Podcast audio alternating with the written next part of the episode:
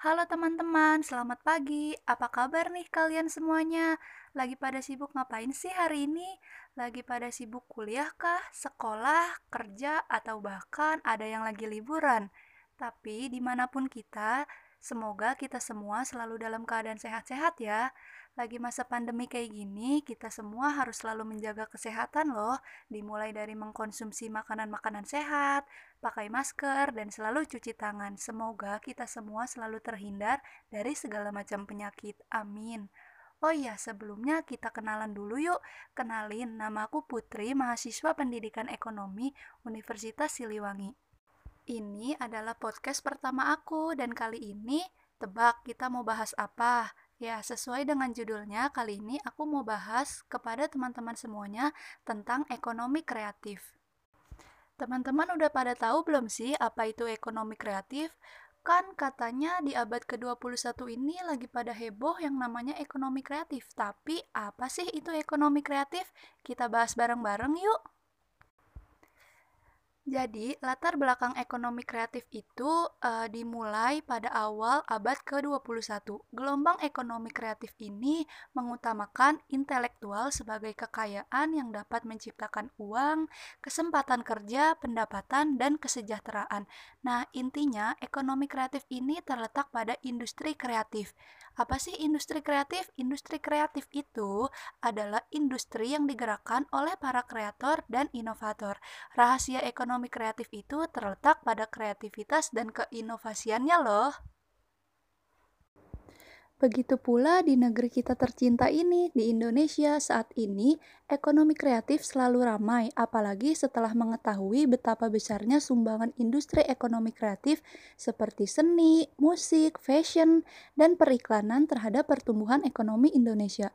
Pasalnya, industri ekonomi kreatif ini merupakan hasil dari pemanfaatan kreativitas, keterampilan, serta bakat individu atau perorangan untuk menciptakan kesejahteraan serta lapangan pekerjaan dengan menghasilkan dan mengeksploitasi daya kreasi dan daya cipta individu.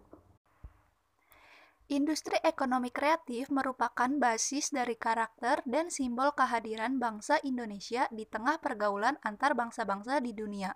Dengan memperkuat struktur industri berbasis tradisi dan budaya, kekayaan intelektual dan warisan budaya bangsa dapat dilestarikan sebagai sumber inspirasi untuk menghasilkan produk-produk inovatif baru bernilai tambah dan berdaya saing tinggi, dan umumnya berskala kecil menengah seperti industri rumah tangga loh. Nah, sekarang kita lanjut bahas mengenai pengertian ekonomi kreatif secara konsepnya ya. Jadi, ekonomi kreatif adalah sebuah konsep di era ekonomi baru yang mengintensifkan informasi dan kreativitas dengan mengandalkan ide dan pengetahuan dari sumber daya manusia sebagai faktor produksi yang utama.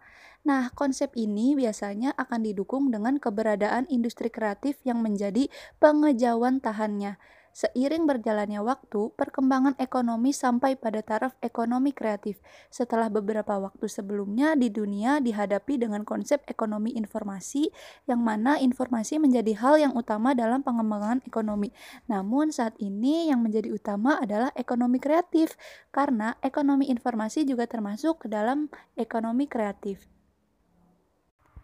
Konsep ekonomi kreatif ini merupakan sebuah konsep ekonomi di era ekonomi baru yang mengintensifkan informasi dan kreativitas dengan mengandalkan ide dan stock of knowledge dari sumber daya manusia sebagai faktor produksi utama dalam kegiatan ekonominya struktur perekonomian dunia mengalami transformasi dengan cepat seiring dengan pertumbuhan ekonomi.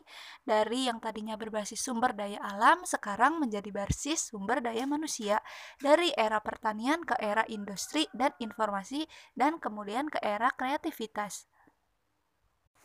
Nah, seiring berjalannya waktu, konsep ekonomi kreatif ini semakin mendapat perhatian utama loh, bahkan di banyak negara. Kenapa sih? Karena ternyata dapat memberikan kontribusi nyata terhadap perekonomian dunia. Nah, di Indonesia sendiri, gaung ekonomi kreatif mulai terdengar saat pemerintah mencari cara untuk meningkatkan daya saing produk nasional dalam menghadapi pasar global.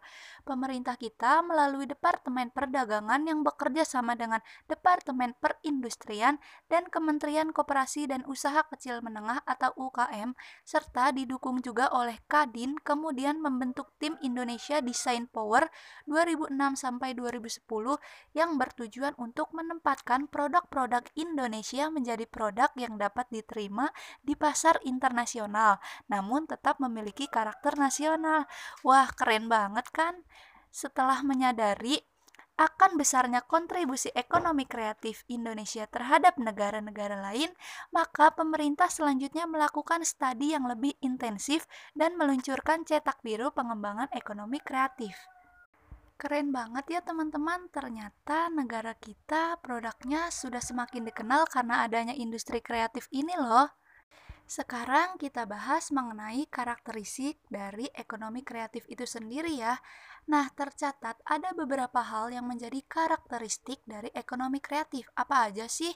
Yang pertama, diperlukan kolaborasi antara berbagai aktor yang berperan dalam industri kreatif, yakni cendekiawan kaum intelektual dunai usaha dan pemerintah yang merupakan prasyarat mendasar.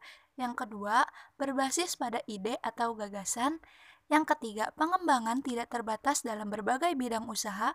Dan yang keempat, konsep yang dibangun bersifat relatif. Tapi kalian tahu nggak sih apa aja jenis-jenis dari ekonomi kreatif itu sendiri? Aku kasih tahu ya. Jenis-jenis ekonomi kreatif di antaranya itu ada periklanan, seperti yang biasa kita lihat, ada arsitektur, ada pasar barang seni, kerajinan atau craft, desain, fashion, video, film, fotografi, game, musik, seni pertunjukan, penerbitan atau percetakan, layanan komputer atau software, televisi dan radio, riset dan pengembangan hingga ke sektor kuliner. Wah, banyak banget kan ternyata. Alasan apa sih yang membuat Indonesia mengembangkan ekonomi kreatif? Hmm, jadi salah satu alasan dari pengembangan adanya industri kreatif adalah karena adanya dampak positif yang akan berpengaruh pada kehidupan sosial, iklim bisnis, peningkatan ekonomi, dan juga berdampak pada citra suatu kawasan tersebut. Dalam konteks pengembangan ekonomi kreatif pada kota-kota di Indonesia, industri kreatif lebih berpotensi untuk berkembang pada kota-kota besar atau kota-kota yang telah dikenal.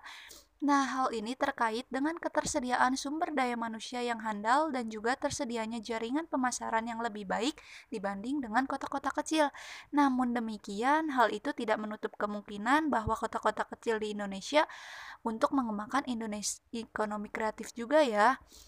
Secara umum, sejarah perkembangan peradaban ekonomi dapat dibedakan menjadi empat zaman. Yang pertama, itu ada zaman pertanian, ada zaman industri, zaman informasi, dan yang sekarang ada zaman konseptual. Kita telah melewati berbagai zaman-zaman itu seperti zaman pertanian, zaman industri, dan zaman informasi.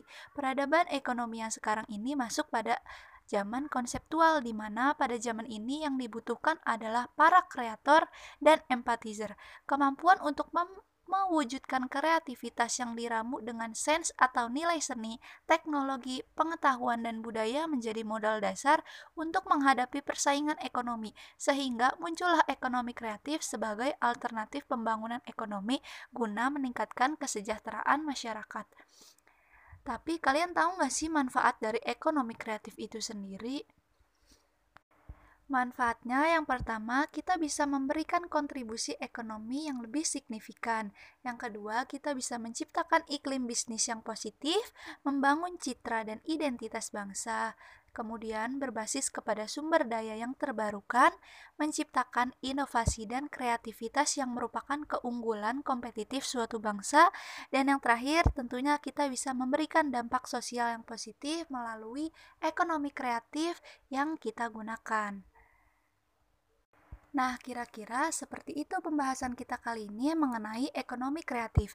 Sekarang kalian sudah tahu kan sedikit banyak mengenai apa sih itu ekonomi kreatif? Terima kasih ya sudah mendengarkan podcast ini. Selanjutnya, kita akan membahas materi-materi ekonomi yang lebih seru lagi. Sekali lagi aku ucapkan terima kasih kepada teman-teman semuanya. Semoga teman-teman semuanya selalu mendapatkan berkah dari Tuhan dan selalu dalam keadaan sehat-sehat walafiat. Sampai sini dulu ya, aku pamit dulu. Bye bye.